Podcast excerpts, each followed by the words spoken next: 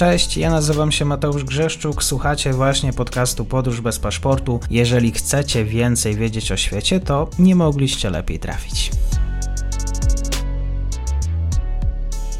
Partnerem odcinka jest Oanda, TMS Brokers, dom maklerski obecny na rynku już od ponad 20 lat. W opisie odcinka znajdziecie link do aplikacji, której możecie otworzyć konto maklerskie i grać na giełdzie, a wcześniej potrenować na koncie demonstracyjnym. Jeżeli otworzycie konto za pośrednictwem tego linku, dostaniecie na start książkę o tematyce inwestycyjnej. Zapraszam, Mateusz. Dzień dobry Państwu, dzień dobry wszystkim słuchaczom. Dzisiaj gości u mnie dr Karolina Zielińska z Ośrodka Studiów Wschodnich. Będziemy rozmawiać o Izraelu. Dzień dobry, kłaniam się. Dzień dobry.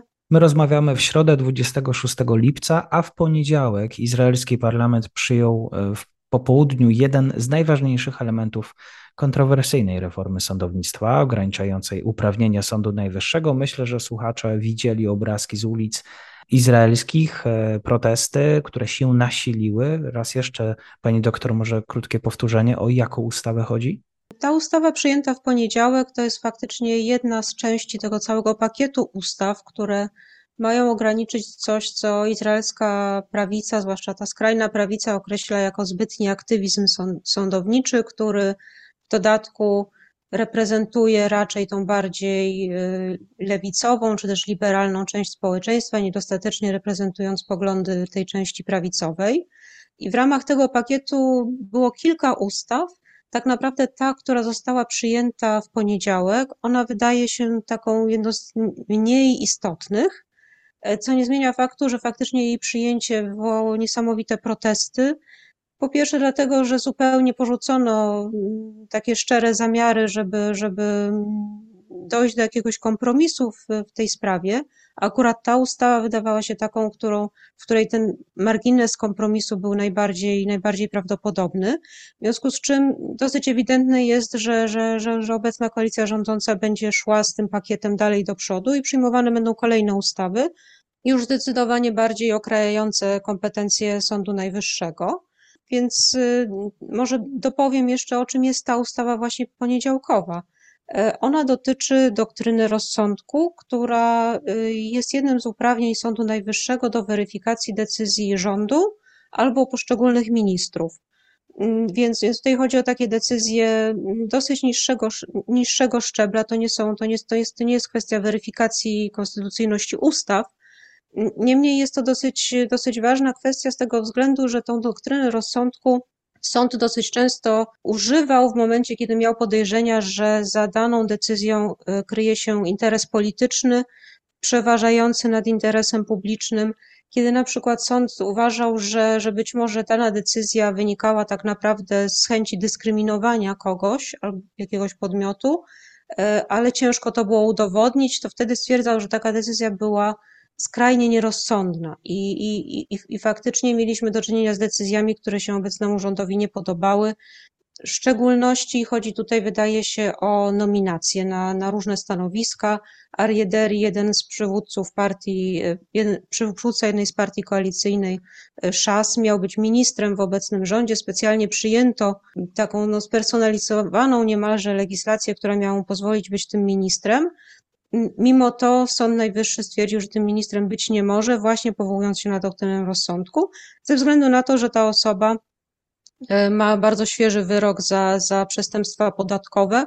W dodatku w czasie swojego procesu niejako zapowiadała, obiecała, że nie będzie pełnić żadnych funkcji publicznych, których miałaby mieć do czynienia z finansami publicznymi. No a tutaj dostał funkcję ministerialną. No i właśnie w takim przypadku ta, ta doktryna rozsądku była powoływana. I wydaje się, że, że, że w tej chwili zależało y, koalicji rządzącej po pierwsze, żeby przyjąć jakikolwiek element z, tych, z, tych, y, z tego pakietu ustaw, zadowolić część elektoratu i, i koalicjantów w Knesecie. Po drugie, chodzi właśnie o nominację, o to, że, że Netanyahu chciałby najprawdopodobniej zdymisjonować cały szereg urzędników, w tym urzędników związanych z wymiarem sprawiedliwości, co trochę łączy się też z jego procesem, trochę łączy się z takim funkcjonowaniem bieżącym, bieżącym koalicji. No i właśnie ta zasada rozsądku mogła być używana do tego, żeby czy, czy te dymisje, czy te nominacje blokować. Wydaje się, że Netanyahu, żelazny Netanyahu, raczej nie tknięty w związku z tymi protestami. Wydaje się, że tak. On co prawda no, i miał problemy zdrowotne niedawno, i trochę w Knesecie tak no, wydawało się, że taka międzyludzka dynamika między Netanyahu a poszczególnymi ministrami była taka, że on się trochę odsunął w cień, to ci skrajni ministrowie jakby rządzili tym przedstawieniem, ale, ale wydaje się, że no, Netanyahu znamy nie od dzisiaj i raczej, raczej to nie jest też tak, że on nie ma wpływu na to, co się dzieje. To była jego decyzja, żeby przyjąć tą ustawę, w dodatku, żeby przyjąć ją naprawdę no, takiej skrajnej wersji, nie dopuszczającej żadnego kompromisu.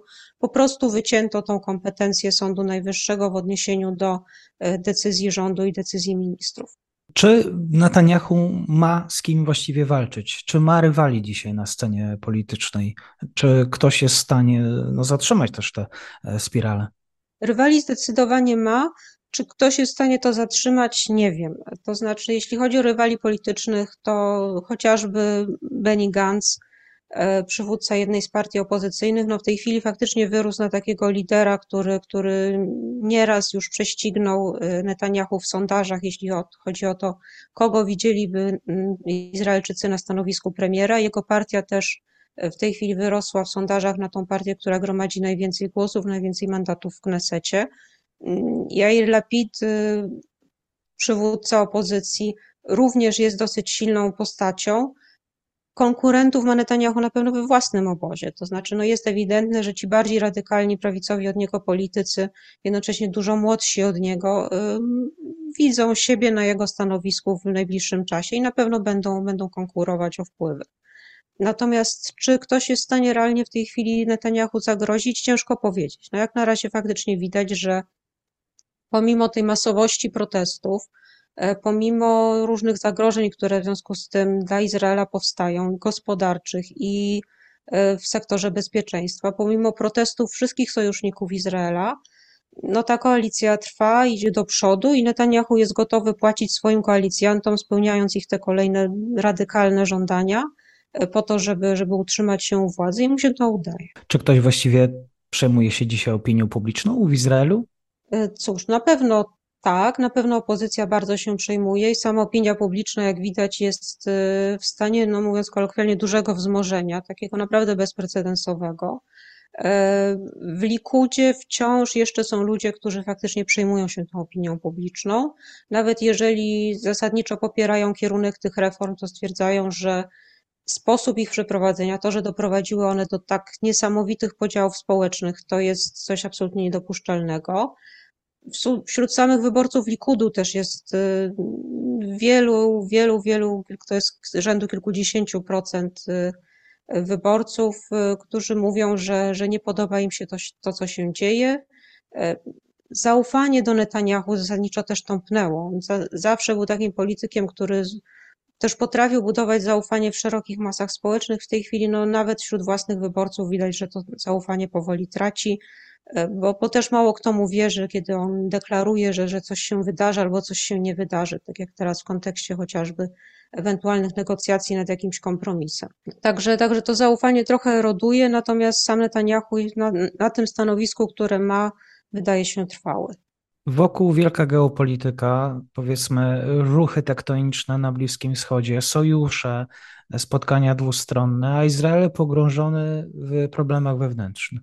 Tak, zdecydowanie tak jest, że Izrael w tej chwili jest niesamowicie skupiony sam na sobie i to, i to szkodzi. To znaczy, no, no widać y, nieskrywaną radość po stronie przeciwników Izraela, szczególnie jeśli chodzi o Iran i, i, i różne proksy irańskie. Oni stwierdzają, że super, to, co się dzieje w Izraelu, osłabia Izrael, w związku z czym my możemy teraz spokojnie sobie siedzieć po cichutko i czekać, aż, aż tam sytuacja jeszcze bardziej się pogorszy to też sprawia, że, że Izrael faktycznie no, jest wyłączony z wielu, z wielu procesów, w których mógł brać udział, gdyby nie działo się wewnętrznie to, co się dzieje. Stany Zjednoczone, prezydent Biden y, bardzo mocno optował za tym, żeby doprowadzić do jakiejś formy normalizacji relacji między Izraelem a Arabią Saudyjską.